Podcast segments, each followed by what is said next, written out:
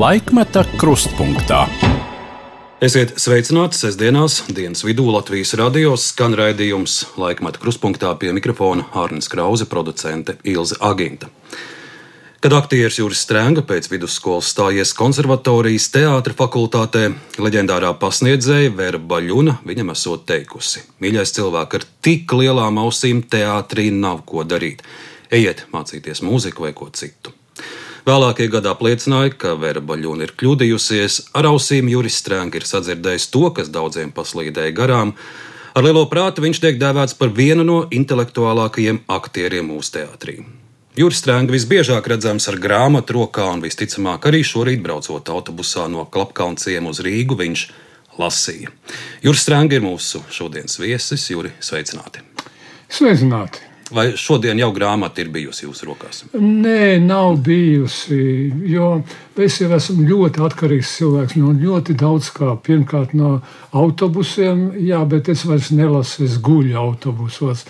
Otrakārt, eh, no, no majora slaidiņa, jo septiņos man ir obligāti jāskatās raidījums. Es esmu atkarīgs no viņa. Visas At, aktualitātes par Ukrajinu. Ja? No veselu gada laikā es esmu centies neizlaist šos raidījumus. Gads kopš šī briesmīgā kara jau ir pagājis. Eh, kādas ir jūsu atmiņā tās pirmās dienas, pirmās stundas, kad eh, mēs visi par to uzzinājām. Jā, nu, tas bija šoks. Protams, tas pārvilka svītu ar visām pārējām um, manām nodarbiem, kā grāmatu lasīšana un interesēšanās par politiku un tā tālāk. Viss kļuva bezjēdzīgs. Un, um, Līdz ar to vairāk es kaut kādus filozofiskus traktātus nelasu, es lasu, burlaka romānus, jo tas kaut kā sajiet kopā ar to karu. Uh, Mana māte nomira, viņa bija dzimusi 1900. gadā, nomira 98 gadu vecumā. Un e, tad viņa teica, Jurīt, es gribu redzēt tikai to, kā tā šļūra beigsies. Tas bija attiecībā uz Padomju Savienību. Ja viņi sabruku, viņi redzēja to. Es arī šodien varu teikt to pašu. Es arī gribu redzēt, kā šī šļūra, kas ir ievārīta mums austrumos, beigsies. Jūs esat spēlējis ļaunumu arī uz skatuves, arī leģendāro Moriartiju uz Dēls teātris skatuves Šarlokā Holmsā, vai, vai Putins ir mūsu laiku ļaunums Moriartīs? Es domāju, ka jā. Nu, viņš ir iemiesojums. Man Pēters Petersons savā laikā iedeva grāmatu par vācu valodā par Kenisbergas komendanta piezīmēm par Hitleru. Un tur bija uzrakstīts, viss viņš bija piezīmējis, kādas bija lēkmes. Tā, kad ļaunums pārņēma Hitleru, kā viņš eh, zaļā ģīmī iespiedās stūrī un raustījās, un ka viņam nāca virsū. Tie, viņš bija jā, kaut kādā tūles grupā. Nu, tas ir kas ar sakariem ar, ar, ar to pasauli. Man liekas, ka Puķins eh, studējot eh, tur čekas lietas Stasī eh, tajā paspārnē, eh, būdams Vācijā, arī pārņēma daudz ko no, no šī Hitlera lietām, un viņš ir iemiesojums. Zināmā mērā kaut kas tas ļaunums ir aizgājis no Hitlera uz Puķinu, un tur ir fašisms tīrākā veidā. Vai jūs sakojat arī, kāda ir jūsu kolēģu, bijušo kolēģu, jo ļoti daudz esat filmējies kino ar krieviem, gan jau arī ar ukrāņiem? Kāda ir viņa nostāja, reakcija un kurš ir kurā pusē? Es, diemžēl, nevaru sak sekot, jo man sakara ar to pasauli ir vāji. Un viņi lielākoties ir tur, bet tie, kas ir palikuši dzīvi, es nezinu, kas ar viņiem notiek es vispār nesarakstos, vairs man nav nekāda sakara. Pēdējās provas Mosfilmā man bija vēl 90. gada sākumā kaut kur un arī Minskā, bet eh, kopš tā laika nekāda kino sakara arī ar, ar um, to pusi man nav. Bet nu, jūs noteikti redzat, sekojot eh, šobrīd eh, notikumiem, uh, ka daudz, salīdzinoši daudz tā saucamā krievu inteliģence un aktieri tur pirmajā plānā, Mihalkovs un citi. Viņi ne, ir nevien Putina pusē, bet viņi, viņi studē Putinu. Jā, nu, tas ir vienīgais, ko viņi var izdarīt. Zaudēt savu uh, ieņēmumu avotu, nefilmēties Krievijā. Un, uh, taču tas viss tiek dāsni atmaksāts. Uh, tagad taču izsludināts ir patriotiskās dziesmas tiem, kas komponē. Tie komponisti taču viņam ārprātīga nauda.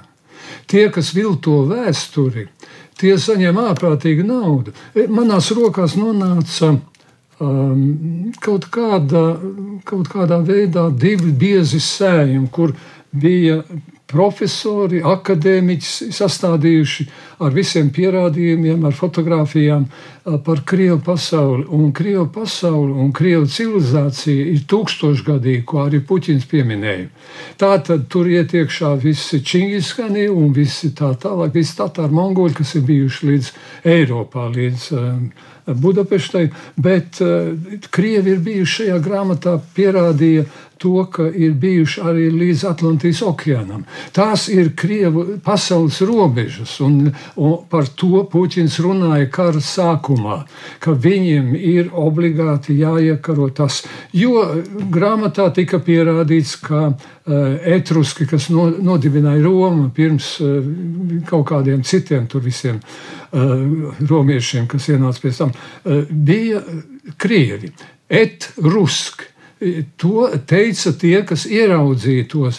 Tātad izrakumos ar viscaur Vācijā vietu nosaukumi. Mm -hmm. Futbola komanda, Borusija, nu, tīrākā Krievu komanda.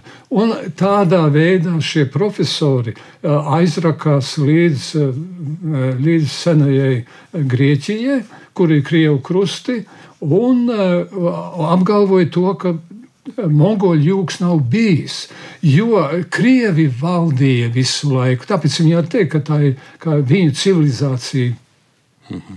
Ir, ir, ir tūkstošgadīgi, jo it kā mongoļi bijuši tikai tie pa virsmu, tāda nu, izkārtne, bet būtībā visu vadīja krievi. Brīnišķīgas lietas tur ir. Es ļoti nožēloju to, ka uh, noņēma nost raidījumus no Krievijas kanāls, kur, kur uzstājās tie propagandisti kas tas bija par skatu, kas tās bija par biļinām, šie biļinu stāstītāji, ko viņi katru dienu izdomāja. Es varu iedomāties, kādā sprukās viņi bija. Jo, nu, saņemot gan milzīgu naudu, viņi tomēr bija spiesti uh, Solovjovs un tā. Skabājava un tur vesela vēl bija. Jā, jā, Simona Jāna. Mm -hmm. Jā, es tikko redzēju arī kaut kādu neoficiālu kaut kādu Simona Jānas epizodīti, kur viņa, uh, viņa teica, ka Jā, pirmkārt, Ļuvovā ir, ir fabrika, kur sieviešu gaļu konservēja un nav Ukrainā ko ēst. Un tad vēl pats galvenais, ka nav krievi šāvuši tos ukraiņu karavīrus, bet ukraiņu karavīri ir piestampāti ar narkotikām, un viņi paši nepārtraukti nošauj sevi. Viņi nevar izturēt šo no, no Kievas teiksim, valdību, viņi nošaujās. Brīnišķīgi. Un es tā nožēloju, jo sākumā es sakoju šie, šiem raidījumiem, tur bija tik daudz interesantu lietu, un tagad Tagad tas ir liekts, es netieku klāt pie tiem krievu kanāliem. Jo ko tagad viņi stāsta? Es gribētu redzēt, ko viņi tagad stāsta. Kad viņi nu, sāk... Es šeit paskatos tādus izvilkumus, kas ir internetā, ziniet, tur nekas nav mainījies, ir tikai vēl trakāk palicis. Jā, jā bet, bet sākumā taču bija nu, uzstādījums, ka Ukraiņa nav nācija, nav tauta, viņi nav, nav tiesīgi dzīvot uz zemes. Un viņas... un kara pirmajās dienās bija teikumi Trīs dienās mēs Kijavu ieņemsim. Trīs jā, dienās. Jā, jā, jā. Nē, nu tas, ir, tas ir briesmīgs temats. To var runāt stundām, bet izbeigsim to. Viņi, viņi visi nobeigsies, tas ļaunums sakritīs čupiņā tāpat kā Hitlera ļaunums. Ja mēs raugamies, kā Ukrāņi šo gadu ir izturējuši, es gribētu, lai jūs pavērtējat savu, savu arī amataroda brāli, Ukrāņas prezidentu Zelenski tad, kad viņš kļuva par prezidentu, ļoti daudz vīpsnāja. Nu, kas tad eh, tāds aktierīts eh, lielas valsts priekšgalā? Kādu jūs, prezidents Zelenskis, esat šī gada laikā ieraudzījis? Nu, viņa pārvērtība no, no komiķa un prezidenta lomas spēlētāja filmā ir apbrīnojami. Kā šis mazais cilvēks spēja saņemties Un, un viņš tagad taču uh, iemieso visu, visa tauta skatās uz viņu, un viņš apbrīnojami vada visu šo lietu. Un,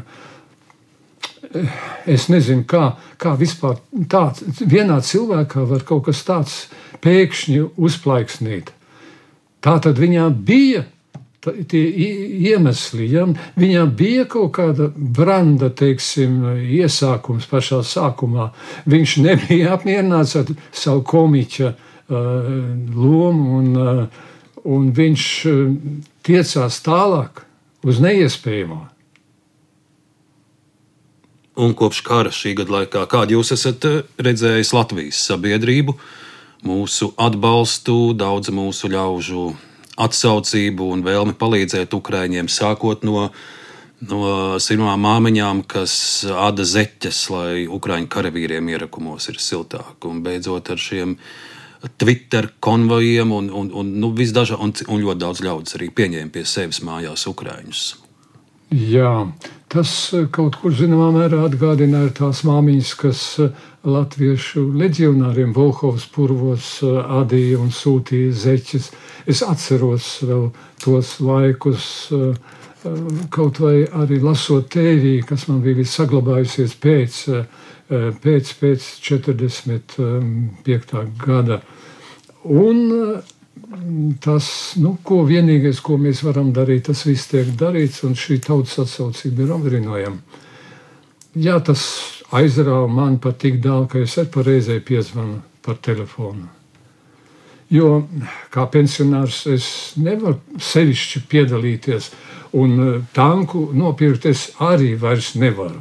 Arī nekad neesmu varējis, jo uh, aktieri padomju Savienības laikā, lai gan daudz filmējās, un arī es braukāju pa visu Savienību, un ar ļoti daudz krievu aktieriem bija pazīstams brīnišķīgiem cilvēkiem.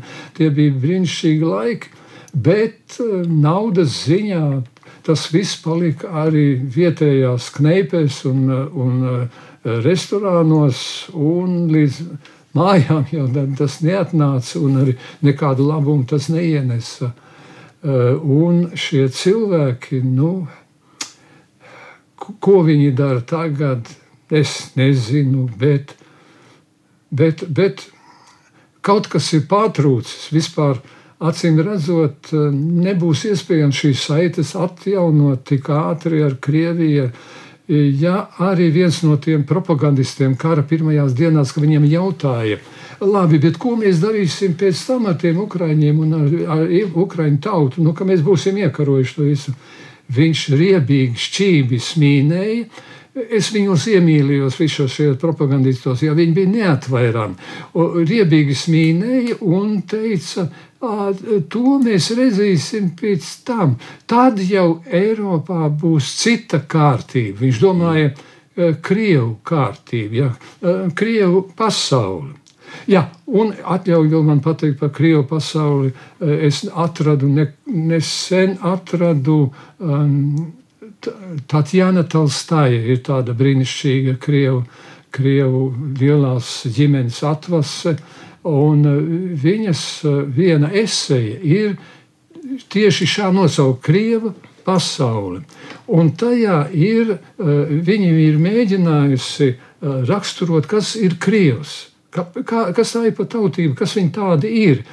Un viņa saka, ka tas ir Tuksneša, tas ir stepju klejotājs, ja, kuram ir garlaicīgi dzīvot uz vietas. Viņš neko uz vietas nepro, ne, ne, nevar izdarīt, bet viņam šausmīgi riebjās kaimiņi, kas viņiem tur aiz sētas blakus dara kaut ko labāku, un viņš nevar to izturēt. Un viņam dažs brīdi uznāk trakums, tad viņš uzbrūk kaimiņiem, nokauj tos visus, iznīcina visu, nolīdzina līdz ar zemi pēc tam atsēžās kaktā un domā, kāda vēlna pēc es to visu iesāku. Nu, tāds ir Krievs pēc viņas novērojumiem. Jūri, jūs esat 37. gada bērns. Tas nozīmē, ka jūsu acis redzēja arī to karu, pēc kura likās, ka nekā šausmīgāk vairs nevar būt. Kādas, un vai jums ir kādas otrā pasaules kara atmiņas? Otrā. Nu, jums bija 6, 7 gadi. Jā, bet nu, tā tieši teiksim, Latvijā mēs jau nesaskārāmies. Tas viss bija tikai ar to, ar aptumšotiem logiem un, un, visā, un vācu karavīriem, kas Krimuldas sanatorijā, teiksim, tur bija ierīkot augšā tajā turnītī, bija ložmetējnieku līgzda. Mums zēniem ļāva parotaļāties ar, ar pret lidmašīnu tādu gaisa ložmetēju un ar, ar vācu vezumniekiem draudzēties, kur cienāja mūs ar šokolādi. Tiešā veidā karš pārgāja Siguldē ļoti ātri pāri. Mēs gulējām lejā pie gaujas, kādas mājas kartupeļu pagrabā, krita visapkārt mīnas visu to nakti jo tā bija neitrālā zona starp abām pusēm, starp Siguldu un, un, un Krimuldu, kur bija vācieši vēl. Vācieši ātri atkāpās, protams, lai neiekristu. Un, un viņi ļoti ātri aizbrauc un iebrauc pirmie krievu vezumnieki, mazi, mazi šķībām acīm un maziem, maziem zirgiem, ļoti noskranduši un ļoti tādi skumji un bēdīgi. Eh, tā kā mēs neredzējām no kaujām nekā. Vienīgais eh, tās ir bijis svecīts virs Siguldas stacijas, ko arī sabumboja. Eh, nu, lai naktī redzētu objektu.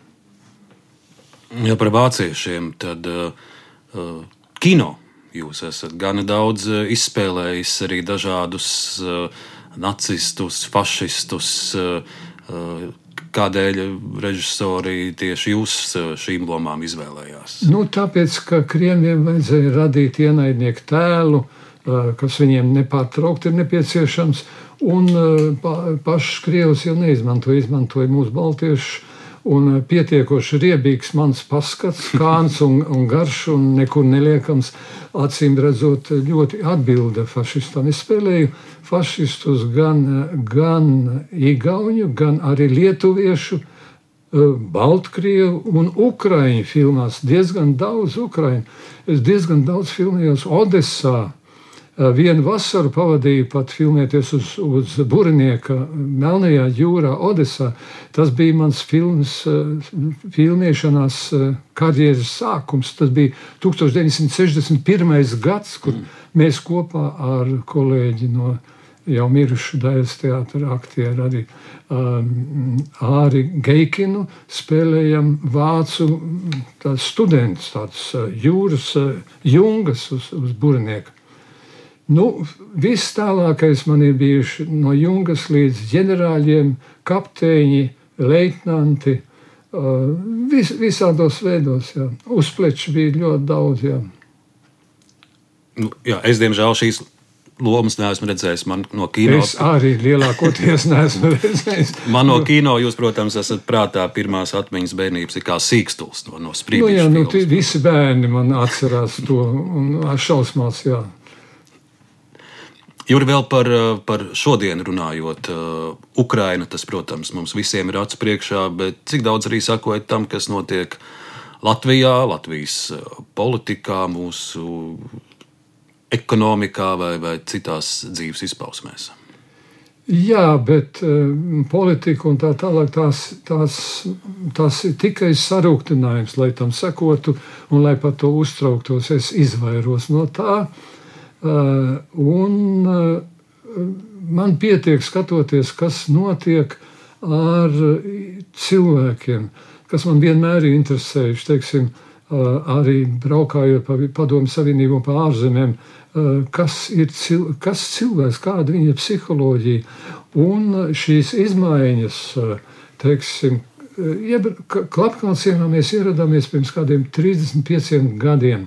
Tie bija pavisam citi cilvēki. Tie bija uh, latvieši, kurzemnieki, kolhoznieki. Tie bija izpalīdzīgi, viņi bija, viņiem bija kopējs viss īpašums. Es arī piedalījos siena talkās vienīgajam kolhoz zirgam, kas klapkanciemā bija. Un, uh, un tā tālāk. Pēc tam notika pārēj uz citu formāciju sabiedrisko, un radās privāti īpašums, radās sētas, radās citas intereses. Un es iedomājos vienu brīdi, ka vajadzētu ar operas festivāliem mēģināt tos cilvēkus kā nu, sadabūt vairāk kopā, jo tie ciemnieki nu, nu, nu, nebija sevišķi draudzīgi. Vispār kurzemnieki nav sevišķi draudzīgi. Un man tas neizdevās. De, 90 gadus mēs taisījām tos festivālus, un beidzās ar to, ka tas bija liels kraks un uh, pierādījās kaut kas daudz pavisam pretējs. Jo mans vienīgais kapanciema draugs, kurš šeit arī mirs, smēķēšanas un alkohola dēļ lielākoties metāla kalējs, Ivars. Guļ sen jau zem zemes, viņš teica tā: Jurim, nedari cilvēkiem labu, viņi atriepsies. Ja. Tā arī ļoti daudz reizes dzīvē ir noticis. Tas notika arī ar mūsu operu festivālu, kur es mēģināju kaut kā savest kopā cilvēkus, lai viņi izjustu kopā spēlējot lomas, kuras pilnīgi idiotiskās situācijās un parodijā par operas, operas sižetiem, lai pasmietos un sāka braukt pat cilvēki no citām pilsētām, piedalīties tajā spēlē un viss gāja ok, bet tas pārvērtās par naudas, it kā naudas pelnīšanu. It kā man pārmet, ka es ar to pelnu naudu. Es ieguldīju visas vasaras darbus, lai, lai uztaisītu šādu, norganizētu šādu lietu. Un ar ko tas viss beidzās? Jā, eh, rūktas atziņas vispār par, par, par cilvēku dabu kā tādu man tikai vairojās, ko šis karš nebūtu arī neuzlabojami tas ir uz tādu galu, teiksim. Es esmu Van Denekena teorijas piekritējis. Ar, ar Dievu mums ir kaut kādas citas attiecības. Dievs, man liekas, netiek galā ar to, ko viņam visu piedāvā un ko viņam liek. Tā kancelēja pārslogot, un tie papīri tiek sadedzināti ellē. Un tur ir kaut kāda kaut, kaut kāda iejaukšanās no citurienes. Jo var būt, ka tas ir bijis Dievs, bet var būt, ka tie ir bijuši citplanētieši ar ļoti ar augstākā attīstības pakāpi, kas iedēstīja cilvēkā sapratni, kas radīja šo brīnišķīgo organismu smadzenes. -hmm. Jo tas nav izskaidrojums. To, ne, to neviens nekad neizskaidros Kā, kā to varēja izdarīt? Tikai varēja izdarīt mērkaķim, iepotējot, kaut kā uzpotējot uz mērkaķa virsū, un tāpēc ar to cilvēku ir tik bēdīgi. Un tāpēc netiek galā šīs pretešķības starp mēr, mērkaķa un cilvēku, citplanētiešu attīstīta domāšanas pār, pārcilvēka un mērkaķa starpā attīstīt tas, tas caurums, tā, tā bedra ir pārāk dziļa. Jūs par politiku sākot minējāt, ka daudz ir vilšanās, rūkumu. Nu, tā vilšanās ir tik liela, ka jūs, piemēram, pat uz saimnes vēlēšanām neejat. Vai, vai? Es eju un vienmēr vēlēju par, par jaunu partiju un vienmēr viļos. Jo beigu beigās izrādās, ka viņi tur ir tāda dotācija, ka tie ir tie paši, tikai atkal ir nosaukums druskuļi izmainīts. Šis ir arī prezidenta vēlēšana gads. Jūsu vērtējums par prezidentu Egilu Levitu, vai viņam vajag dot vēl vienu iespēju, vai jūs redzat, ka tur kādam citam Rīgas pilī būtu jānāk? Jā, nu, Es ar viņu nu, nelielos, bet drusciņi esmu tā kā pazīstams.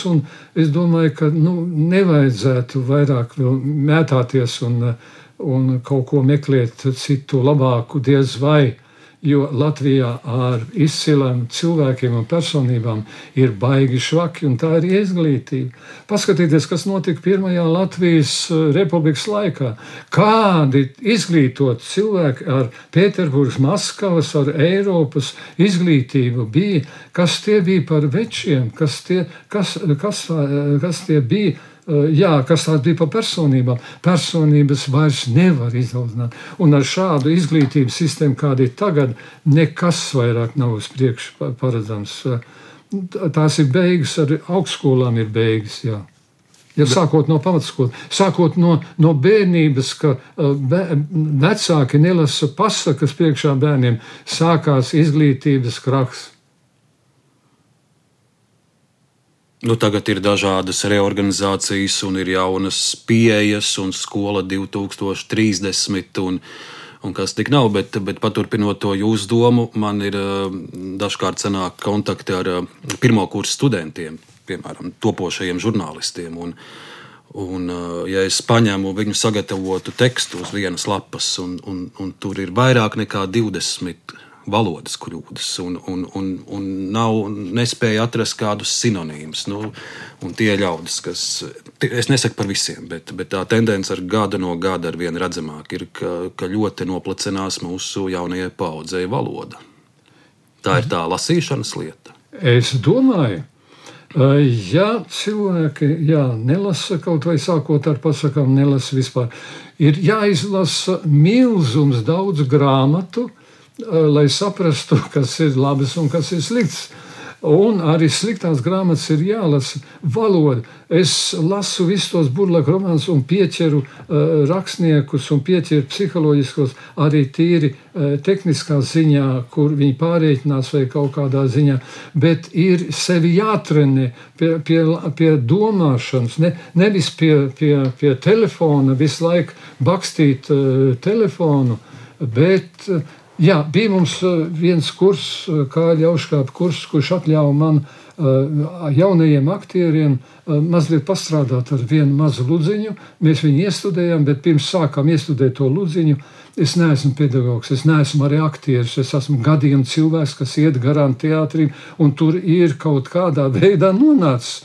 Jā, Baļunas teikuma rezultātā aiz spītības.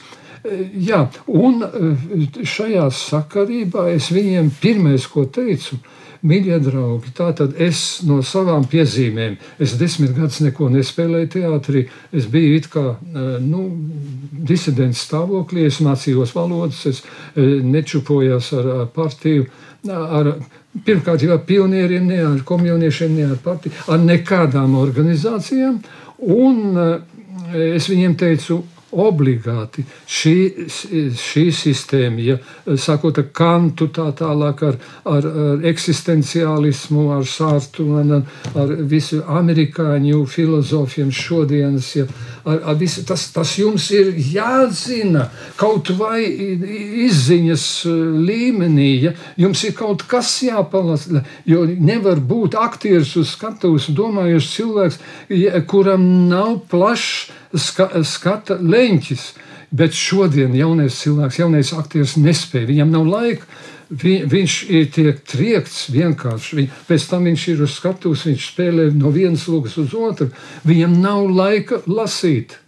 Tas tāpēc viņš ir konvejers, ko pašā apgādājot. Jā, tāpēc jā. viņš saņem kaut ko, kaut kādas uh, sēneles, uh, ātrumā, kaut kādus pārsteigumus no, no visa. Nē, bez lasīšanas tas neiet cauri par jaunajiem aktieriem, jauno paudzi. Es eh, pirms mūsu šodienas sarunas internetā atradu vienu, vienu video, pirms pāris gadiem filmētu, kur, kur jums ir saruna ar jaunu aktieru režisoru Tomu Treini. Un viņš stāsta, ka studējot akadēmijā, jaunie studenti ir eh, vērojuši arī vienu jūsu darbu. Un to noskatoties, eh, viņš pie sevis ir domājis, ka redz, kā aktieris var būt arī gudrs. Un, un jūs ne bez pamata tiekat dēvēts par intelektuālu aktieru vai vienu no intelektuālākajiem. Par to gudrību tas nozīmē droši vien, ka arī jums nākas saskarties ar lielu muļķību, redzēt arī muļķus un muļķību. Kā jūs tādos gadījumos rīkojaties? Jūs pājat garām vai jūs mēģināt argumentēt un diskutēt ar muļķiem? jā, nu, jā. Tikai, jā, tikai nāvi jau iztaisnos tos līkos.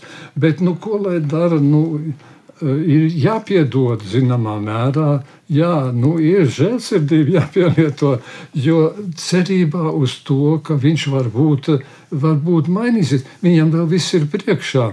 Bet ir jā, muļķība tāda, kur nekas nemainīsies. Nu, tā, tur neko nedrīkst teikt. Tur vispār ir klusumā, ir jā, mierīgi jāpiet garām. Strīdēties jau nav iespējams ar cilvēku, kuram ir, jā, teiksim, tagad ar kādu no, no uh, Kremļa pārņemtās uh, informācijas cilvēku var strīdēties par ko. Tur ir tikai pāris lozungi, un viss tur nav, nekā cita vairāk. Bet uh, dzīves garumā daudz ar muļķiem darīšanas bijuši. Uh, jā, nu, visādi. Ļoti, ļoti visādas situācijas. Ir. Bet uh, katrā ir jāmeklē. Tāpēc man interesē psiholoģija, ka katrā gadījumā ir jāmeklē steidzīgi savs jauns variants, jo nekas jau tajos cilvēkos ir lielākā daļā ir ļoti daudz kas atkārtojās, bet katrs jau ir ar savu muļķību ļoti individuāls. Un eh, dažs muļķis ir pilnīgi ģeniāls. Nu, tas ir jānovērtē, jācepur nost. Ja es nekļūdos, tad tieši pirms gada, sestdienā šajā raidījumā, es iztaujāju jūsu kolēģi, aktrisi Ausmu Kantāni. Tā bija viņas viena no pēdējām intervijām. Mēs daudz runājām arī par teātri.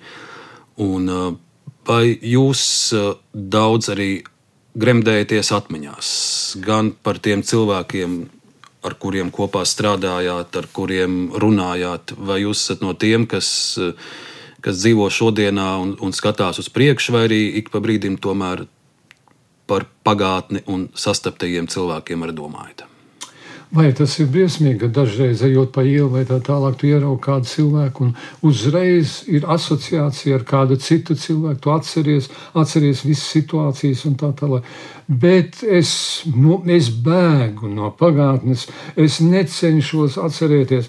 Man, no manis ir ļoti grūti izspiest kaut kādus atmiņas vai tā tālāk par, par saviem, ko, saviem aktieriem.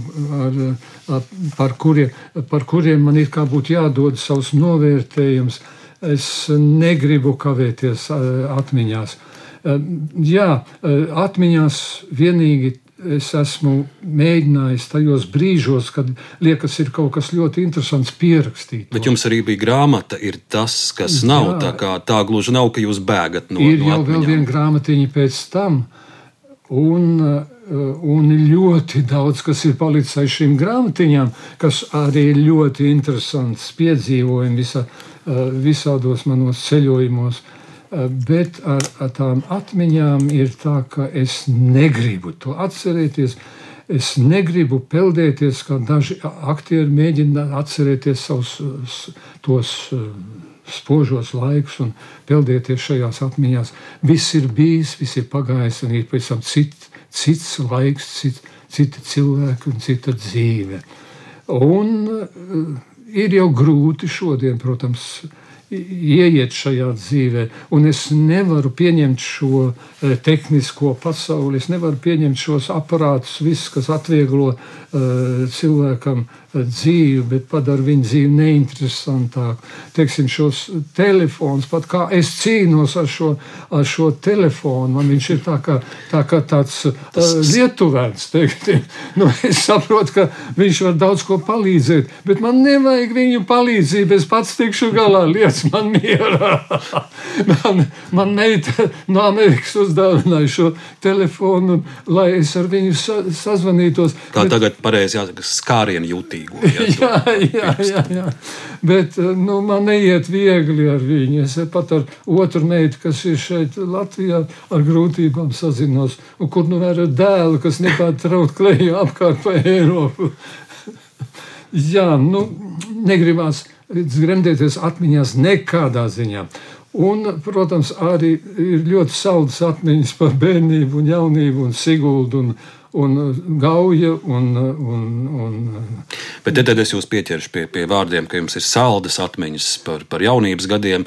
No tām atmiņām šodienas raidījumā Jūra nekur jūs neaizbēgsiet, jo, jo mums ir tradīcija, ka mēs atskaņojam arī dažādas fragmentus, un arī šodienas sarunā es esmu atlasījis gan no kino, gan šeit Latvijas radio fonotēkā fiksēto, un arī no periodikas, kur jūs esat pieminēts. Bet, bet jā, tā ir, tā ir sakrits, ka tieši, tieši jūsu jaunības gadi man būs vairāk fiksēti. Varbūt, varbūt eh, nu, nemaz tik rūktas vai nepatīkamas tās atmiņas nebūs, jo es jums piedāvāju dažās tomēr kopīgi iegremdēties. Vai piekritīsiet? Labprāt, jā, nu es jau nesaku, ka tas ir rūktas, jā, bet, bet katrā ziņā nepatīkami ir vienkārši kavēt laiku. Tad, nu, Nekavēsim laiku, daži fragmenti no kino fiksētā, no Latvijas radio, bet es sākšu ar eh, periodiku. Cik nu es pameklēju Nacionālās bibliotēkas digitālajā arhīvā, tad Jura Strēngas vārds pirmo reizi presē tiek minēts 1957. gada aprīlī. Jurim Strēngam tad ir 20 gadu, un tas ir Un uzreiz jau jūs ļoti augstiem plauktiem šaujat. Tas ir raksts literatūrā un mākslā un raksta nosaukums Tautas dvēseles skaistuma atklāsme. Jaunatnes festivālam gatavojoties. Virsraksts var likties tīšs un samākslots, saka Kurnu pašdarbības kolektīvam un vēl tik jaunam, kāds ir celtnieku centrālā kluba dramatiskais pulciņš, veikt tik sarežģītu mākslinieciskas dabas uzdevumu. Jā, kur nu, bet ja jaunības pacelāts, talanta vadīts, kaut arī meistarībā vēl neapbruņots kolektīvs visu savu sirdi devis iemīļotajam darbam, vai tad var šķirt tā devumu no tās bagātības, no tā izteiksmes spēka, kādu atrodam tautas dzinieka Raina dziesmā Krauklītis. Nu, un te ir tālāk garš stāsts par uh, celtnieku centrālo klubu, par vairākiem iestudējumiem, un tad lūk arī Jūras Strēngas vārds, kur ir pieminēts. Juris Strēnga jau apguvis krietnas skatuvisko kustību iemaņas, izprot izteiksmīga žesta lomu tēla izveidē, paliek konsekvents cauri visai izrādēji attieksmē pret izvēlēto runas veidu. Baigs, varaskāras apsācis bezsirdis, ir Jūra Strēngas tēlotais svežzemnieks. Tādi pirmie pieminējumi par jums.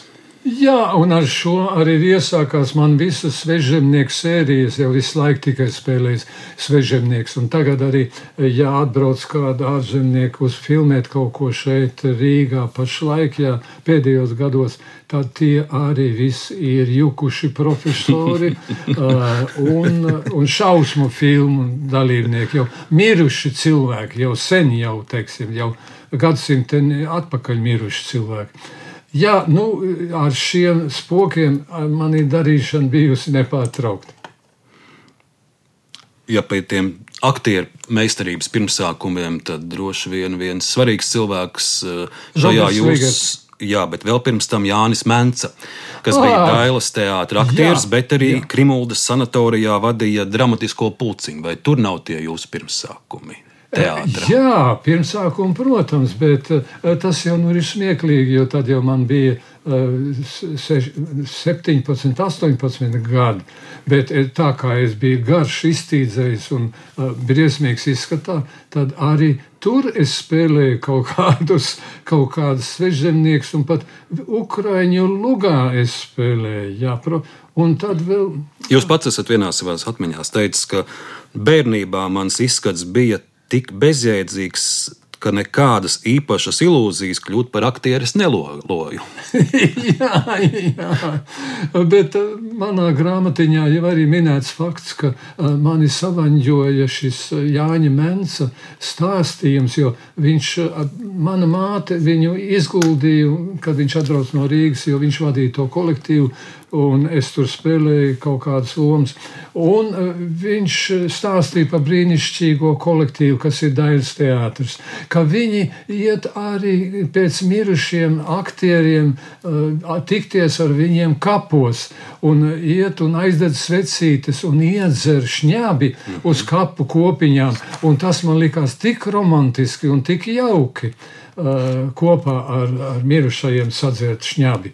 Jo nu, visa vis mana apz, apzinīgā dzīve, teiksim, kas ir saistīta ar teātri, ir saistīta arī ar šņabi. Atzīšos, bet tas tā ir. Kā es esmu dzīves, tas ir vienkārši brīnums. Bet varbūt tieši varbūt pateicoties. Varbūt, Šnabim. varbūt arī, jo manas aknes ir tā sabojātas, ka uz, uz tām vairs alkohols neiedarbojās. Un tagad arī es, es skatos, un, un man ir viskijas ļoti garšo uz tām viskiju pudelēm, un man vai tā kā vairs nevelku. Tā drusciņi tā kā pagaršot, bet tā īsti iedzert eh, nevelku vairāk. Bet es vēl- esmu atindējies. Bet vēl pie tiem laikiem, kad, kad, kad viskiju nemaz tik viegli nevarēja, nevarēja dabūt. Un, uh, Nu, tad jau bija nu, pat 3, 7, teiksim, uh, 3 rubļi 7. Tas jau bija šņabs. Jā, nu. tas bija pats lētākais. E, Nu, jā, jā, no naftas. Nu, lūk, un laikā, kad šnabis maksāja 3,7 kopēkus, uh, Juris Strunke studēja Dēls teātris trešajā kursā. Un šeit Latvijas radiofonotēkā senākais ieraksts, kur ir fiksēta jūsu balss, ir no 1960. gada. Mm, Toreiz ir uh, ierakstīts jūsu studentu uh, mēģinājums. Un, uh, Paklausīsimies jūsu fragment, bet šajā ierakstā ir fiksēta arī Olga Dreģa, Juris Pučs, Kanda Zaica, Renāte Steinberga, Māris Cenovskis un citi jūsu kolēģi studisti. Tātad ieraksts no 1960. gada 29. novembra. Klausamies! Kamēr augšā skan temperamentīgas deju melodijas, lejā cita audzēkņu grupa vingrinās skatuves runas mākslā. No trim runas mākslas pedagogiem šovakar studijā sastopama vienīgi Alma Ābele, kas plaši pazīstama nevien kā izcila aktrise, bet arī lieliska daļrunas meistre. Dodoties pa līkloču koridoru uz izeju, manām, ka aiz katrām durvīm rit spraigs darbs. Pa vienām līdz mums izlaužas kādas dziesmas skaņas, aiz citām pavīd divi paukotāji, tur atkal kāda nogrimēta seja. Pēkšņi mūsu uzmanību saista pērkona balsīs skandēti vārdi. Lai asras plūst, nāc šķēp, ko grūst, nu pirāmam iekš krūts. Šešeku pukst un sirds nu čukst, ak, nāves brīdis krūts. Nu beigts jau, vairs mašas nav, un ausis eņģļus dzird. Beidz, mēne, beidz, prom mēnesis steidz, nu man vajag mirt, mirt, mirt. Režisore Ertnere smaidot mums paskaidro, ka tur Juris Strenga runājot monologu no Šekspīra. Jāatzīstas, mēs esam mazliet tā kā izbrīnījušies, kā apmulsuši. Izrādās, ka studijas audzēkņi gatavojas vakaram mākslas darbinieku namā, un pašlaik viņi mēģina fragment no Šekspīra lugas sapnis vasaras naktī, kurā nemirstīgais dzinieks parādījis, kā nevajag spēlēt teātri. Tagad mums viss skaidrs. Piebildīsim vēl, ka šis sarīkojums notiek pašlaik, šovakar cienījamie radioklausītāji. Ko varam novēlēt studijas audzēkņiem viņu pirmajā kopīgajā debijā? Nu, protams, to, ko viņi vēlas visvairāk - labu veiksmi. Labu veiksmi ne tikai šovakar, bet visā turpmākajā darbā, jo pats galvenais, pats grūtākais taču vēl priekšā. Ceļš uz skatuves mākslu ir skaists, bet grūts. Ceļš uz skatuves mākslu ir skaists, bet grūts.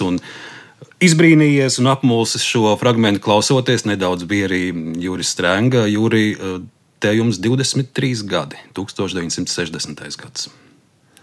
Jā, nu man liekas, ka iemācīt eh, teātri nevar. Tur, ja nu pats neko nedara, tad nekas arī nekad nebūs. Ļoti daudz atkarīgs no paša. Viss atkarīgs no paša. Šeit tika pieminēti fragmentā pedagogi, Ertnera, Alma Ābele. Kuri, kuri ir tie cilvēki, kas, kas jums pamatus lika?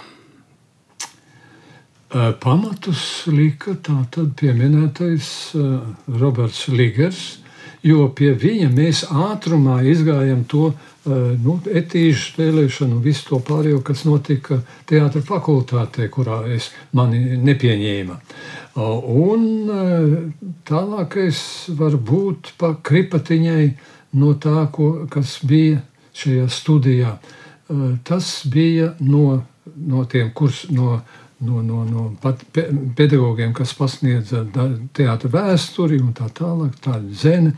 Un galvenais jau Pēters Petersons, kas ļoti, viņš bija mūsu tās grupas vadītājs un ļoti iedvesmoja uz plašāku garu apvārsni, uz, uz, uz interesēm, uz visām pusēm. Un, un ļoti daudz arī uzticējās cilvēkiem, kas uh, darīja. Uh, jā, protams, arī daļa no vecās smiņas skolas, uh, Kreisliņš vēl pasniedza runu. Um, nu, tā bija klasiskā runa, un tā nu daudz vienkārši. Es esmu vienkārši gulējis uz lauriem un, un ticis cauri ar loģiku, kas ir pats galvenais manā mūžā bijis. Un arī tālāk, kad es skatījos vecum, vecumnieks izrādes, Eh, es domāju, nu, kāpēc es to nevaru izdarīt, jo tā, tās bija padomju ludziņas, un tās brīžiem bija ļoti arī bēdīgā stāvoklī. Un es domāju, ak, Dievs, vai tad es arī to nevaru izdarīt, ja viņa to dara tik diezgan nu, nemākulīgi, teiksim, un neloģiski. Es ar savu loģisko domāšanu taču to varu darīt. Un Petersons man palīdzēja izvēlēties to, lai es kaut ko iestudēju, un tad es tā lēnām klusiņām sāku, un pēc tam bija arī Petersona asistents. Uh, bet nu, režija nav, nebija mans uh, aicinājums, kā arī aktieru būtībā tā lieta nav mans aicinājums. Mans aicinājums ir būt par, par klātesošu uh, liktenis, teiksim, novērotāji un liecinieku visā tajā lietā, kas mums notiek apkārt. Un es ar prieku pieņemu sev uh, dāvāto uzticību un ceru arī izvilkt vēl kādus gadiņus uz priekšu, jo dikti gribās redzēt, ar ko tā šļūra beigsies. Bet mēs vēl paskatīsimies, kādi bija jūsu sākumi. Un tagad viens fragments, kur uh, kur iespējams jūs man labojat, bet vismaz kinoarchīvā es redzu, ka tā ir pati pirmā reize, kad uh, jūs uh, esat arī filmēts 1960. Pirmais gads uh, filma Kārkli pelēkie ziedi, jeb krievu valodā tā versija bija Spasība za vesnu. Tā es skatījos, tāds bija rakstīts. jā, jā, jā. Šajā filmā debitē Maskavas eh, kino institūta absolventi Gunārs Piesis, Mikls Virbulis, arī mākslinieks Uldis Pauzers un Gunārs Balodis un arī scenārija autors Gunārs Priedē. Īsumā filmas stāsti par to, ka aktierim Mežmalim vēstules raksta liels pulks pielūdzēji, taču viņš šīs vēstules ignorē līdz brīdim, kamēr ļaujas kolēģi uzsāktiem jokam un paraksta vēstuli vidusskolniecei Intai. Nu, te ir arī lomās virkne, protams, zinām jūsu aktieru kolēģi Edvards Pāvils, Vija Artmane, arī Lidija Freimane, Alma Abela, Alfreds Jaunušāns un Versingievs, Kārlis Sebris un jūs, Jūri, esat Andersons. Jā. Kur, kur, kurš tad rakstīja to vēstuli Mežmaļa vietā? Jā. Jā. Un tad nu, noklausīsimies jūsu uh, fragmentu. Un ziniet, kas ir simboliski jūsu pats pirmais teikums kino, ko jūs esat pateicis, ir šāds. Arī jaunatne vairs nevar ilgāk noraudzīties visās šajās nelikumībās. Tā ir pirmais teikums, ko jūs mūžā esat kino pateicis. Juri. Tas nebūs pirmais teikums, jo Odesā mēs ar Geikinu filmējamies jau uh, pusgadu vairāk, vai gadu vairāk. Nu, un tur krieviski, protams, es esmu pateicis kāds teikums. Bet, tad, nu, Bet Latviešu kino tas ir pirmais teikums, protams. 1961. gads fragments no kinofilmas Kārkli pelēkie ziedi. Biedrien liepiņi, uzejiet augšā un paskatieties, vai režisors nevar mežmali uz brīdi.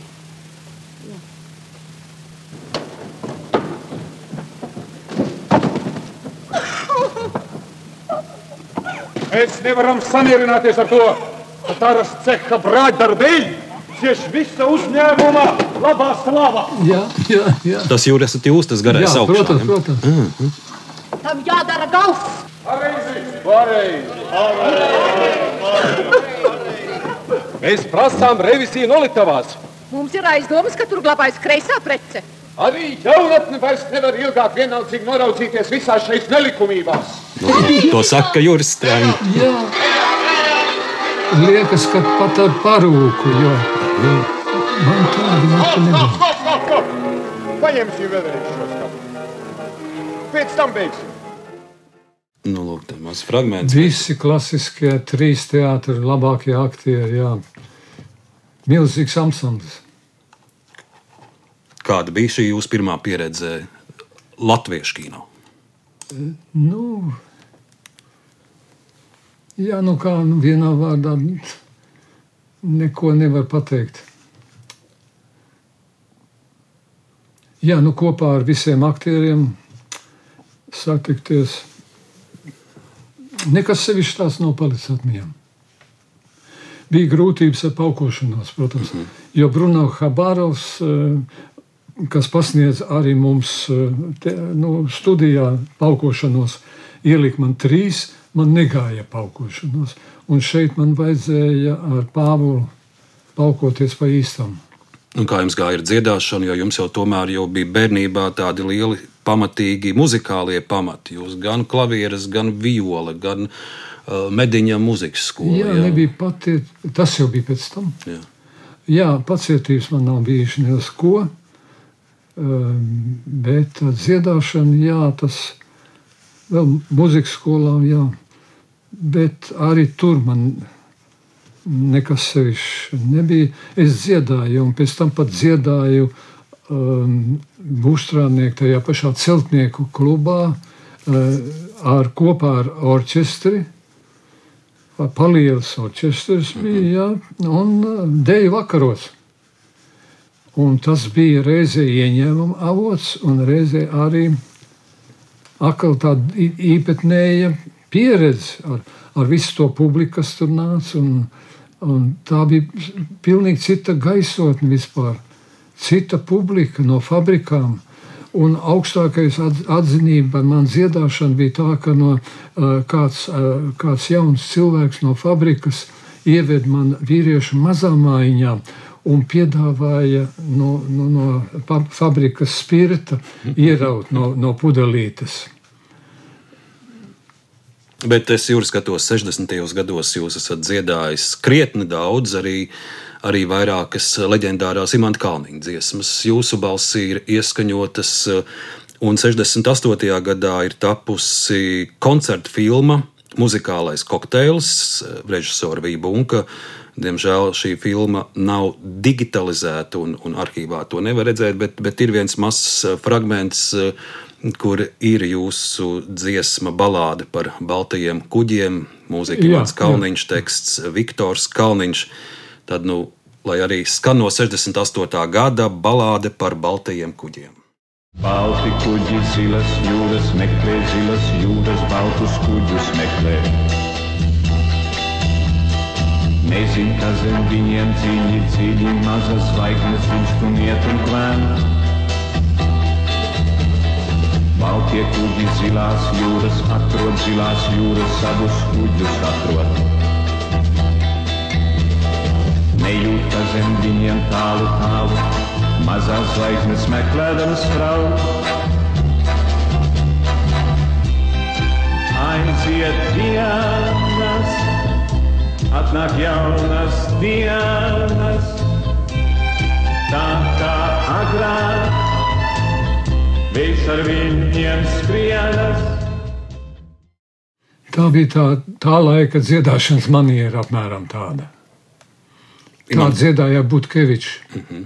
Četros baltos graklos.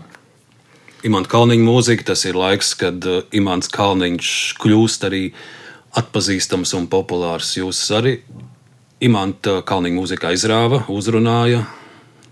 Ne sevišķi, ne, ne, no sākuma es pat tā īsti viņu, viņu nesapratu.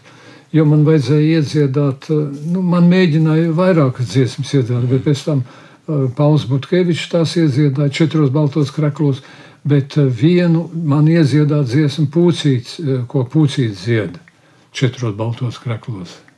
Nākamais darbs uh, no 68. gada, tas pats gads, kad šī muzikālā filma top. uh, Jūs piedalāties arī kinodarbā Andrejs Upītis. Un, Rakstniekam ir apaļjubileja, tiek gari un plaši stāstīta viņa biogrāfija un, un viņa garie nopelni padomju Latvijas izaugsmē. Un, un šajā darbā par Andreju Upīti vienā no fragmentiem esat arī jūs. Ir ekranizēta Andrija Upīša novele Bezdievis. Vai jūs atceraties, ka tādā jūs arī filmējāties, piedalījāties? Kaut ko kā pa miglu, bet neko vairāk. Nu, tur arī apkārt bija migla, filmēts tika kapos. jā, jā. Jūri arī noskatīsimies mākslas fragment. Es domāju, ka šajos laikos šāda filma nav rādīta vairs. Tad mazs fragments no 68. gada, kā tiek godināts Andrejs Upīts un arī fragments no novēles Bezdievis, kas arī ir šajā filmiņā. Par grēksūdziem, bezdieviem un filozofiem. Ārā, tu bezdievi!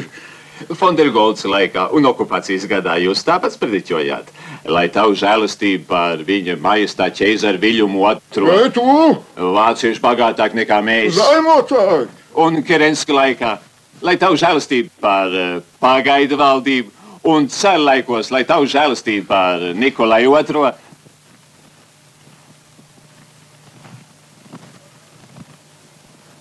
Spreci pagalnieki, vēl vienu vārdu. Es skatros, Jurģos, eju pie jauna saimnieka. Jūs neiet nekur, bet kungu jums nebūs bijis daudz mazāk nekā man. Mēs abi esam rokpeļņi mācītājā kot.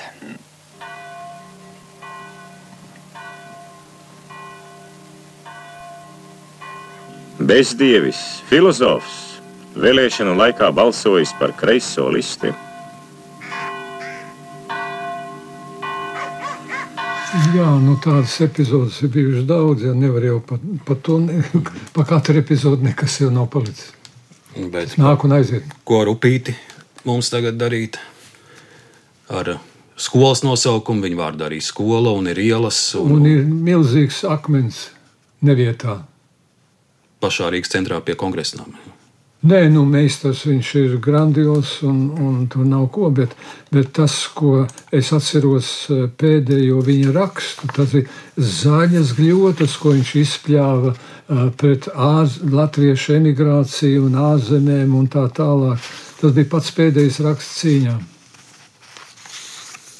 Nākamais fragments mēs šodien sarunā, protams, nevaram nepieminēt 1975. gadu un uh, Latvijas kultūras kanālā iekļauto Dailas teātra izrādi Brants. Uh, es uh, palūkojos periodikā, kādas toreiz bija kritiķu recenzijas.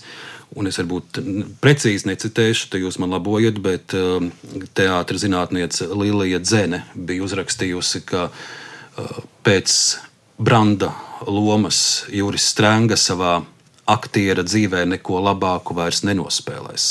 Plus mīnus tā, tā, tā viņa bija uzrakstījusi. Tā bija, jā, un tad, kad viņi to uzrakstīja, un viņi vēl man teica arī to, tad es kaut kā ļoti jutos neumalīgi. Domāju, nu, ak, Dievs, nu jā, bet izrādījās, ka tā tas arī bija. Jo tālāk arī, jā, tālāk arī viss pārējais ar teātrā gāja savādāk. Un,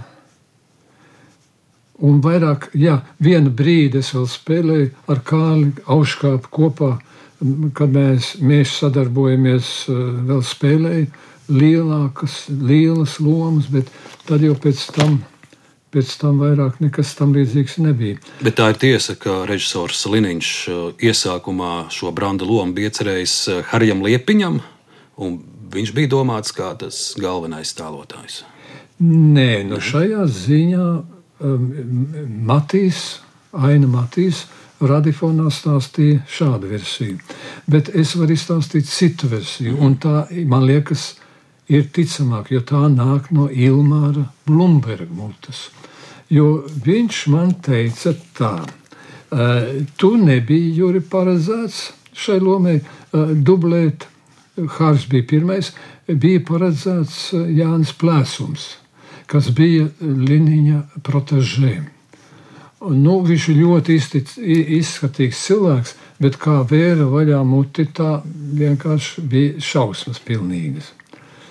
Un uh, Blūmbergs kopā ar, ar Modru Tenisonu, kur abi arī uztaisīja būtībā šo izrādi, vairāk pat kā, kā Liniņš. Es domāju, ka uh, Kārlis Auškāps, Modrs Tenisons, ir noteikti vislielāko darbu ielikuši šajā darbā. Līniņš bija kā tāds nu, pāraudzītājs un galvenais un, un, un vadīja visu šo milzīgo izrādes, tapšanas procesu. Bet īstie gara ielicēji bija Kālis kopā ar, ar modeli. Un viņi teica, nē, Bez strengas mēs to nedarām. Jo es nebiju pirms tam neko spēlējis. Varu tikai padomu ludziņās kaut kādas eh, mazas lomiņas, un pie vecumnieces es parasti spēlēju. Um, un tas nebija nekas. Reizēm es tā vāri ieminējos, ka es gribētu kaut ko tādu nospēlēt, un tas arī palika gaisā karājoties. Es izmantoju šo, es esmu ļoti pateicīgs par šiem desmit gadiem, ka es neko nespēlēju teātrī, braukāju, filmējos un uh, sēdēju valsts bibliotekā. Es izlasīju visu to, kas man, jā, lai manu padomu izglītību, teiksim, nobeigt, bija nepieciešams. Uh, tiku galā ar angļu, vācu, uh, poļu valodā, un tur arī bija ļoti daudz uh, grāmatu šajās valodās, angļu valodā neiedomājami daudz. Uh, es pat brīnījos, ka tādas pat, uh, tādas pretvalstiskas domas tika angļu valodā varēja izlasīt pilnīgi legāli. Neviens viņas neņēma, nelasīja šīs grāmatas. Un arī tās grāmatas, kas tika dotas pat uz mājas, varēja ņemt līdzi konspektēt. konspektēt. Un man ir lielas klādes konspektētas par, par, par, visiem, par visiem jautājumiem, kas man interesēja. Tās bija manas studijas. Juri, jūsu mūža loma Brants, fragments no 1975. gadā tapušās izrādes ieraksta. Dzirdēsim aktierus Juris Strēngu un Ausmu Kantāni. Jā, Brantu, esi cīnījies, tu badu sāpes izcieties. Ar tevi nāca mīlestība, kā ziedoņa saules vispēcība. Tā manai būtnei sveša bija, un bērnu dienu brūces dzīja, jo ledus salti bija tēvs un māte. Ar jums būs viegli panest visu. Ne tikai mēs tev mīļi esam, ik viens, ko redzi rūpes nesam, lai cik viņš izmisis, slims, nabaks, tam tavā tuvumā kļūst labāk. Lai iemīlētu pasauli, ir jāiemīl viens pasaulē. Bet tava mīla vienmēr asa. Tu esi nesaudzīgs un prasīgs. Pret tevi arī. Es tavu mīlu viegli nesu, bet daudzus atbaidi ar to, ka prasi visu vai neko. Man izpētīt nav laika daudz, ko katrs te par mīlu sauc. Ja mēs tik bargi soļi būsim, kur gan tad žēlsirdību gūsim? Tik līdz tu kādu žēlot sāc, viņš nemanot tiek pazudināts. Kas zina, kurš būs svēts vai grēcīgs? Viens likums vien ir mūžam spēcīgs, tev piedots tiks, ja neiespēji, bet mūžam nē, ja negribēji. Sev līdzi māci mani celties, no tevis gribas spēku smelties. Ar tevi mūžs mans sasaistīts, tavs ceļš ir mans, tur iešu līdzi. Jautāja Jurim Strangam, kāpēc viņa prāt šodien Luga Brants neatrod vietu teātru repertuārā. Jā, šodien viņa būtu īstajā brīdī atkal. Lai gan viņa jau nekad, man liekas, nezaudēs savu spēku, savu plašumu, lielumu, bet nu, viņa ir šim laikam pārāk prasīga. Brants ir, nu, viņš paliek smieklīgs. Visi ideālisti šodien jau ir smieklīgi, jo apkārt jau nu, ir neiedomājams kompromiss. Un varbūt šis laiks ir pērģinta laiks vairāk nekā branda laiks. Varbūt tādi ir visi laiki, es nezinu, bet nu, dažos laikos kaut kā tomēr tas ideālisms izlaužās cilvēciet cauri, bet šodien ļoti skumji skatīties uz visu to, kas notiek mums apkārt, sevišķi Latvijā. Brants runā par tumšām alām un par ielējā, kad ierados tikai vienu ilgojos cīņā iet ar cilvēci. Jā, būtībā mēs esam ielējā un, un jāskatās ir, kā mēs varētu tikt atkal pēc kāda laika kalnā. Nu, šis ir fragments beigās no Aldas Briedas intervijas 2018. gadā. Šogad Brants ir atgriezies, atgriezies uz Dailas teātras skatuves. Un, tagad arī es varu teikt, ka es esmu redzējis Juris Strēngu Branda izrādē. Protams, es to nevarēju izdarīt 75. gadā, bet es jau biju arī uz ģenerāla mēģinājuma un izrādi redzēju, kā jūs pats vērtējat Branda atgriešanos un savu atgriešanos šajā izrādē. Jā, nu, man jau ir uh, pilnīgi savādāk tā attieksme pret visu to, jo es nepārtraukti būdams mēģinājumos sēdēju zālē un dzirdēju uh, savas un ausmas intonācijas, mhm. un pie tam dzirdēju uh, dzēju, jo toreiz mēs iestudējām poēmu. Uh, pašlaik šis brands ir pēc režisora norādes melod melodrāmā. Ja, un, nu, tas man, manā, manā saprāšanā neiet nekā kopā.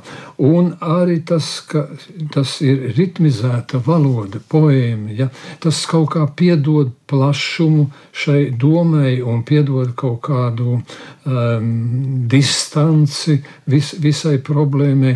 Bet mēģinot viņu padarīt šodienas jauniešiem, uh, kurš skatās uh, tajā savā um, tajā planšetē, planšetē ja, eh, padarīt tuvāku un saprotamāku. Es nezinu, vai, vai šāds pieejams, eh, kur ir ieguvumi, kur ir zaudējumi.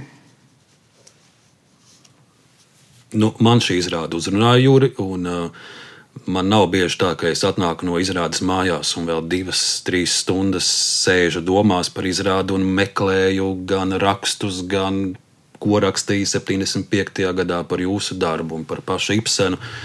Un es izrādes laikā tiešām uz, uz, uz trim stundām biju pilnīgi no ārpasaules atslēdzies.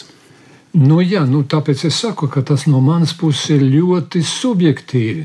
Un es nenoliedzu to uh, zvēra darbu, ko izdarīja Segliņa un uh, mm -hmm. vispār viss kolektīvs un kā strādā aktieri un, un vi, viss uzvedums un tā tālāk. Viņš bija vajadzīgs un ļoti labi, ka tas tā ir. Tikai uh, man ir šis uh, veca cilvēka subjektīvs skatījums uz to. Jo es nevaru no, izraut laukā no, no savām atmiņām uh, to, kas ir bijis. Tas ir, tas ir tas jautājums, kad ir jāizmirst pagātne. Vēl viens jūsu darbs, kurus šodien sarunā gribu pieminēt, uh, un uh, tas ir bijis pamatīgs darbs, veidojot uh, dokumentālu stāstu filmu par Raini, telefilma Rīgā, režisors Rolands Rikards. 80. gadu beigas, turpat ir vairākos turpinājumos šis darbs, un, un Juris Strēnga ir Rainis, palūkosimies arī vienu mazu fragment, lai atminētu šo filmu. Mēs šodien dodamies uz Lugano pa to pašu ceļu, pa kuru 1906. gada pavasarī devās Rainis un Aspāzija. Viņš nezināja, ka nodzīvoja šeit, Šveicē, 15 gadus, pie tam ar cita cilvēka pasi, ar Artūra Nagliņa uzvārdu, ar ļoti apšaubām dokumentu, kurā bija rakstīts Arturo Naglin. Mēs šodien paskatīsimies, vai vēl ir saglabājušās tās vietas un tās pēdas, kur gājis viņš, kuras dzinieks ir skatījis. Mēģināsim atrast tās smaržas, tās noskaņas, ar kurām dzīvoja un rakstīja trimdā Jānis Rainis. Tas, tas loks, dzīvo. Tas ir tieši īstais rāņu lokus. Jā. Mhm.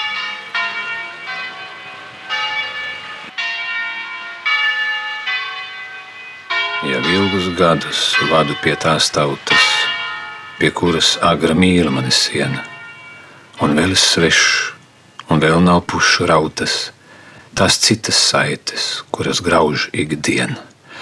Tās citas saites, kuras grauž man miesas, vēl dziļāk dvēseli, kad tā trīs un slimst, kā smalki pirksti, kad tiem jāskar ciesas. Tās saites, sāpes, katrs viņās dzimst, un dvēselē pašai rimstot, tās tik rimst.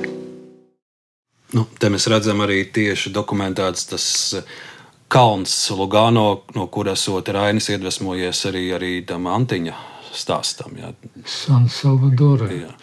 80. gadu beigas jums ir iespēja pamatīgi iztaigāt Raina ceļus, Lugano, Kastaņģolu. Par šo darbu vēlāk es esmu skatījies. Jūs diezgan kritiski un paškritiski arī izsakaties īpaši par, par sadarbību ar režisoru Rikārdu, ka viegli jums nesot gājis.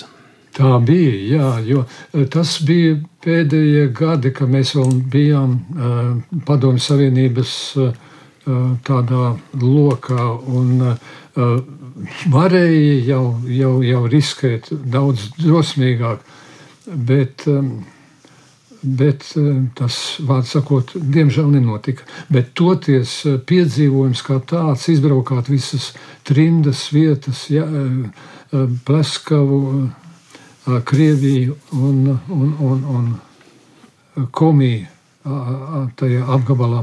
Un, un, cauri visai Vācijai uz Lugano, tālāk Izraela un Kaira. Tas bija neiedomājams ceļojums par Raņa vietām un brīnišķīgs ceļojums un piedzīvojums kā tāds manā dzīvē, kas man vienkārši ļoti bagātināja, banāli runājot. Bet par sadarbību ar režisoru jūs vēlāk esat teicis, ka stūrgalvīgāku cilvēku par Rikardu neesmu savā mūžā sastapis.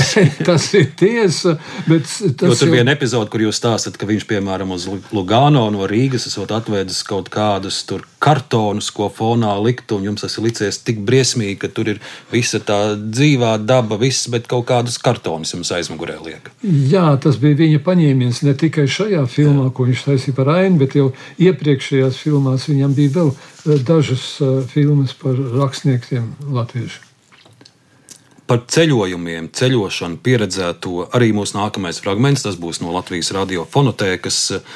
1996. gadā Imants Ziedonis rakstnieku savienībā uz vakaru pulcē dažādas ļaudis, ceļotājus. Tur ir Ulris Briedis, Ansis Epners, Sojārs Spārīts un arī Juris Strenga. Šī pasākuma, šī vakara nosaukums - Dvēseles skaties platām acīm. Dzirdēsim Imants Ziedoni. Un arī viens ceļojums stāsts no Jūras Strēngas 1996. gads. Mēs dzīvojam ļoti fragmentārā laikā, un katrs cilvēciņš un katra sabiedrības daļa kaut ko saprot no viss pārējā. Kaut ko izdara, bet nekas kopā nesienās ne likumos, ne, ne, ne, ne sabiedrībā, ne organizācijās, ne finansēs. Viss tāds fragmentārisms, mēs esam tādi nogrieznīši un tādi struņķīši, mazi visi. Un, un interesanti ir sapulcināt kopā. Es iedomājos, ka daudz cilvēku, kuri centušies pasauli apbraukāt latviešiem, un, kā būtu, ka viņi saicinātu kopā. Protams, ka tikpat labi varēja sveicināt kopā selekcionārus. Neviens nav teiksim, sveicinājis kopā teiksim, prezidentu padomniekus kādi viņi visi izskatās, vai, vai teiksim, degustatorus. Jūs redzat, kā piekrišana ir. Izklausās Mārtiņa, ka tas stāsta brīnum lietas par kaut kādām degustācijām, garšīgām lietām. Tas pats. Tā kā jebkur profesija būtu interesanti tās aicināt kopā. Un te ir nu, pats sapulcēti tādi cilvēki, kuri, nu, kā jau jūs dzirdējāt, tie, tie kas Latvijā ir bijuši vis, vis neaprēķināmākie ceļotāji. Tas ir ļoti interesanti uzzināt par sevi kaut ko vairāk, jo nekad mājās tu nevar uzzināt par sevi to, ko tādās situācijās, kur tu nezini pat izēju dažu brīdi. Teiksim, tūkstnes es esmu apguvis pavisam īsā laikā. Man aizveda helikopterā uz Uzbekijā kaut kur tūkstoša vidū, nolika smiltīs, ar to pašu helikopteru sagrieza smiltis augšā, tās visas pūta virsū, piedzima mani pilnu ar smiltīm, atveda mājās, iekritu gultā un klepoja ilgi. Nu, priekšstats ir par tūkstnešu vētru un visas esmu īsā brīdī apūst. Tie ir tie jaukākie brīži, ko tu varēsi pēc tam pie ugunskura mazbērniem izstāstīt, ko nekad šeit uz vietas Latvijā, lai cik te nebūtu smuki Latvijā, nevarētu pastaigāt, ko mēs arī, diemžēl, neesam izstaigājuši visi kaktiņus, neesam kaut ko tādu piedzīvojuši. Jā, tā kā es kā ceļotājs esmu amatieris un, uh, un kaislīgs amatieris un, un domāju, ka tā ir laba lieta. Lūk, šeit uh, Imants Ziedonis jūs jau piesaka kā neaprēķināmo ceļotāju. nu, neaprēķinām ir kinostudijas nolūki.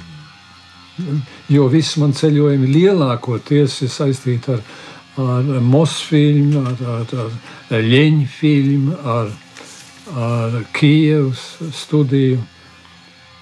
Un, jā, jā. Šī filmēšanās, ceļojuma, arī jūsu lasītkāre, ierakšanās bibliotekās 90. gada sākumā vienā no intervijām jūs godīgi atzīstat, ka tas viss ir aplaupījis arī divas jūsu ģimenes. Jo, kā jūs sakat, egoistiski esmu nodevies studijām, piekritis filmēties muļķīgās filmās, izbraukājot visu Krieviju. Nu, precīzāk nepateiks. Vēl šodien es gribu uzdot vienu jautājumu, un te es iekavās domāšu par uh, jūsu kundzi Ilzi Strēngu. Ilza arī mana televīzijas kolēģe Es gribu, lai viņa šo klausoties, arī es pat redzu, ka viņa pasmaidīs pie sevis. Un, un tas arī viens stāsts, kur jums 90. Eh, gadu beigās vaicā žurnālisti, vai pašam šķiet, ka esat daudz izdarījis. Un lūk, atbild eh, Juris Strenga, īstu strīpu jau vēl neesmu vilcis par savām jubilejām. 40 gados nemaz slikti nedzīvoja, varēja savus draugus uzaicināt uz Lunas ķīniešu zāli. Naudas pietika arī 50 gada jubilejai, ko svinēja teātrī. Rītdien nevarēšu uzaicināt pat vistuvākos draugus, jo manā makā ir tikai 39 lati. Tieši tik, cik gadu esmu nostrādājis Dailas teātrī. Labi, ka sieva man vismaz uzdāvināja braucienu uz Bavārijas kalniem. Tāds, tāds fakts arī ir bijis. Jūri, man vēl liekas arī interesanti par uh, jūsu dēlu Gustavu domājot. Nu, viņš ir liels, liels Uh, viduslaiku pētnieks un šobrīd arī Latvijas Nacionālajā bibliotekā vadošais pētnieks un, un vēstures doktors un ar, ar ļoti labām izglītībām. Es uh, šeit, kad esmu Gustavs saticis uh, un izmantojis, esmu to iespējas viņu iztaujāt par dažādām viduslaiku lietām, kas mani interesē. Vai ir kāds jautājums par viduslaikiem, kuru jūs jūrī dēlam esat vaicājis, un pat viņš jums nav spējis rast atbildību? Nu, es atzīšos, ka man nav tāda kaislība sevišķi uz viduslaikiem. Bet nu, mēs ar Gustavu esam jau no bērnības staigājuši pa vecrīgu un tā tālāk. Un vienīgi, ja man kaut kas pēkšņi ienāk prātā, tad pie manas klapkalciemā ir daļa Gustavu grāmatu, kas ir vācu valodā lielākoties. Un, ja pēkšņi man uznāk tāda gribēšana palasīt kaut ko vācu valodā, lai, nu, lai atsvaidzinātu uh, valodu, tad es paķeru kādu no viņa grāmatām slepeni un palasu par viduslaikiem, bet neko tādu sevišķu es tur jauku neatrodu lai gan viņš ir sajūsmā pa viduslaikiem. Un es tā domāju, ka galu galā viduslaiki ir bijuši viena no gaišākajiem uh, laikiem, jo šodienas viduslaiki ir daudz tumšāki. Arī domājot par to, kas notiek šobrīd Protams. Ukrajinā un Protams. par Putinu un visu to. Ja. Protams, jo neviens jau nezina, ar ko tas beigsies. Un, uh, man tāda sajūta, ka šie viduslaiki nebeigsies tik vienkārši tā, ka ar debesu braukšanu tā nebūs tīri. Un Juris Aruns izskaņā vēl viens citāts, un, un, un šos vārdus jūs sakat pirms 30 gadiem. Jo cilvēks kļūst vecāks, jo vairāk viņš vēlas ar kaut ko būt kopā, ieiet citā apritē, saplūst un nebūt vairs tikai es. Es ar vien vairāk saplūstu kopā ar dabu, jūru, smiltīm. No malas izskatās, ka vecs cilvēks vairs neko nevar izdarīt, bet varbūt tieši viņš dara vairāk, atrastamies kopā ar kaut ko lielāku nekā apkārtējais purvs. Nu, ko viedi vārdi, es teikšu, atklāti. Un daba, kāpas, mežs, tas ir tas, kas jā, ir katru tas, kas, dienu jums klapkānciemā. Jā, jā, tas, kas ir atšakarēts. Jā. Pa šiem gadiem, 30 gadiem, piemēram, es nedzirdu vairs uh, valodas kliedziens, es nedzirdu, es neredzu stāčus, vārdu, varžu kurksēšana nav, vārdas ir iznīdētas, bišu sanoņa uh, liepās nav vairs dzirdama, tās ir iznīdētas. Vāverītes reizēm kaut kad parādās, zelkši arī kaut kur ir pazuduši. Agrāk bija daudz eži. Eži varbūt pāris gados es redzu reizi kaut kādu ezīti, kādu, kurš ir nolemts nāvē, neskatoties uz savām adatām. Juri, mūsu saruna ir marta sākumā. Kas ir tie pirmie pavasara darbi jums Klapkaunciemā, kurus, ar kuru jūs sākat sezonu? Nu, jā, pārskata viss, kas ir noticis pa ziemu. Daži augi ir iznīkuši, tie ir jāpārstāda. Uh, jāiestāda jauna krūmiņi, šādas bedres jāizroka jaunas.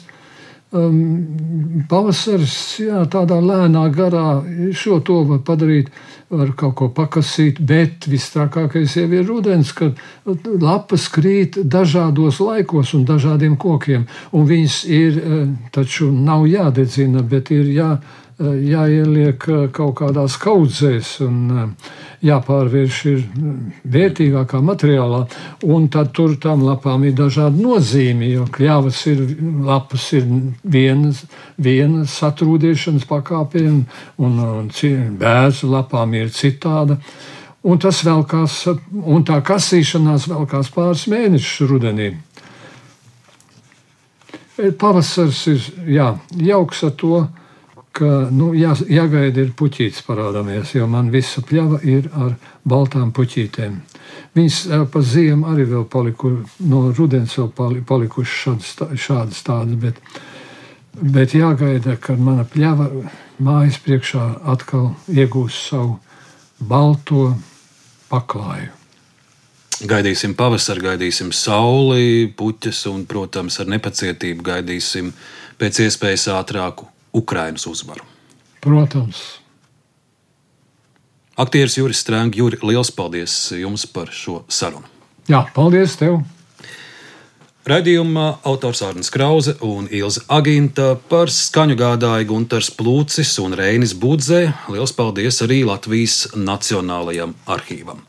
Turpiniet klausīties Latvijas radio!